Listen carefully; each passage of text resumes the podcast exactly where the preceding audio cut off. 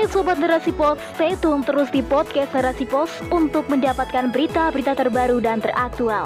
Bersama saya, Dewi Fitriana, di rubrik OPD. Legalisasi transgender, kaum pelangi makin meluber oleh Mariam.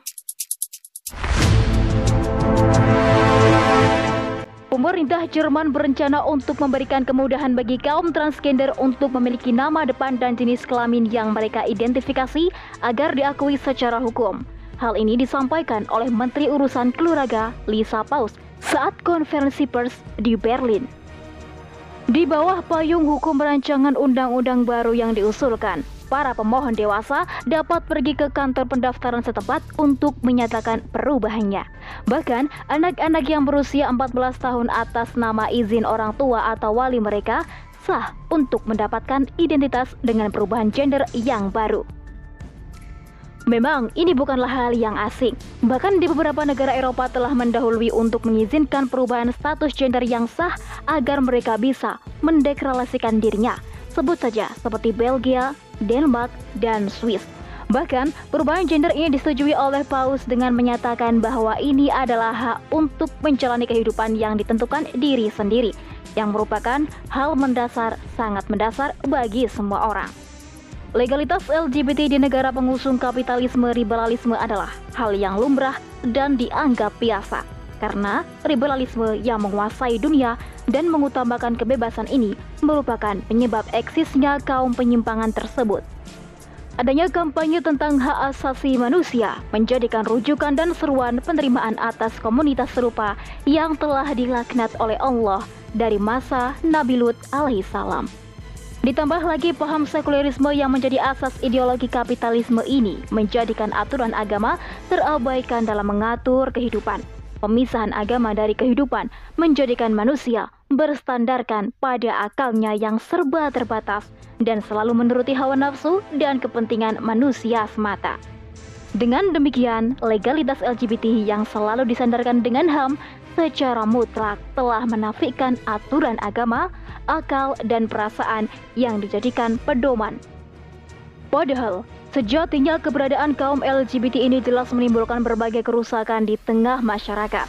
Di Amerika Serikat sendiri, gay dan biseksual telah banyak menimbulkan penyakit HIV. Risiko penularan terinfeksinya HIV pun 26 kali jauh lebih besar pada gay dan biseksual dan 13 kali lebih besar pada transgender. Perilaku tersebut jelas menjerumuskan manusia pada titik martabat paling rendah karena hewan pun enggan untuk melakukannya. Inilah wujud kebebasan berpikir yang dikampanyekan oleh orang-orang barat demi menerima komunitas yang melanggar aturan agama yang penting bisa menguntungkan. Sayangnya, propaganda ini dilakukan pula hingga ke negeri muslim. Padahal ini jelas akan merusak kaum muslimin dan menjauhkan umat dari hukum-hukum Allah. Inilah rusaknya sistem kapitalisme yang menghalalkan segala cara dengan mengatasnamakan HAM untuk bisa mendukung dan melegalkan aksi penyimpangan seksual ini. Untuk bisa menghentikan perilaku penyimpangan yang terus gencar dikampanyekan ini, perlu adanya penerapan syariat Islam sebagai wujud sebuah ideologi dan diterapkan dalam sebuah institusi negara yang kelak akan memberantas perilaku penyimpangan seperti LGBT secara sistemis dengan beberapa langkah sebagai berikut.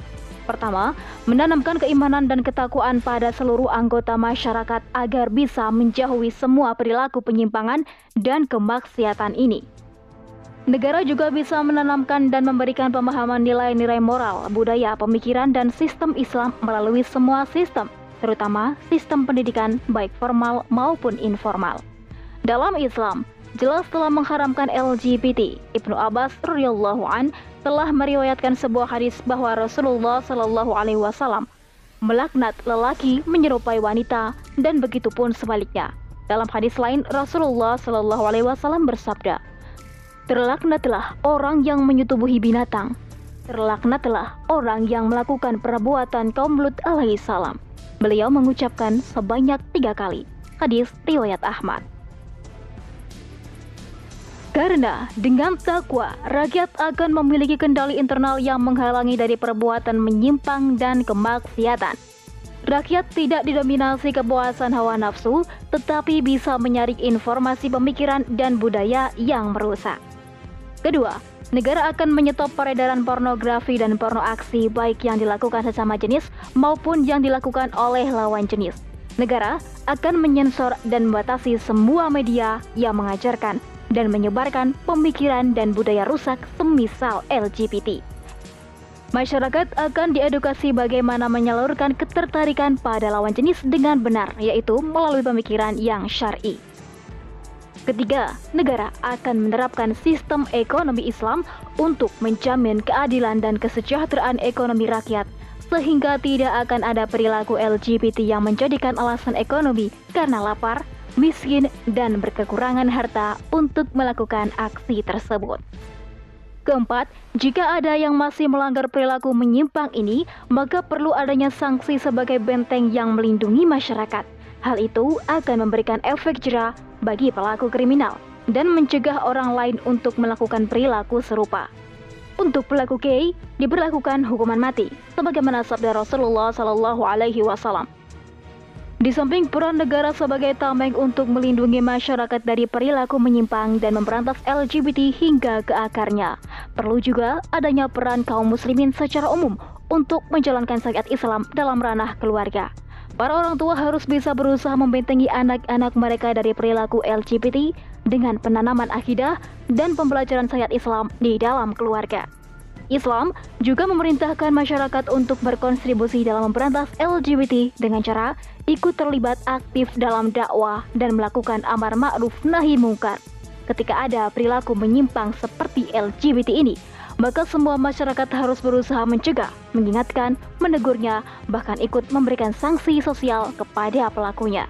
Bukan malah mendiamkannya bahkan mendukung aksinya. Walhasil LGBT bisa dicegah dan dihentikan oleh sistem Islam yang terrealisasikan dalam sebuah negara bernama khilafah yang akan menjadikan syariat Islam sebagai aturan bagi kehidupan. Wallahu alam bisawab.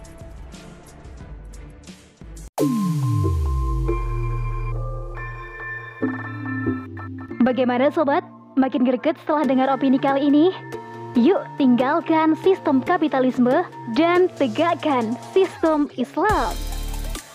Saya Dewi Fitriana. Sampai jumpa di podcast Narasi Pos selanjutnya. Tentunya di rubrik-rubrik yang berbeda. Tetap stay tune ya. Bye-bye.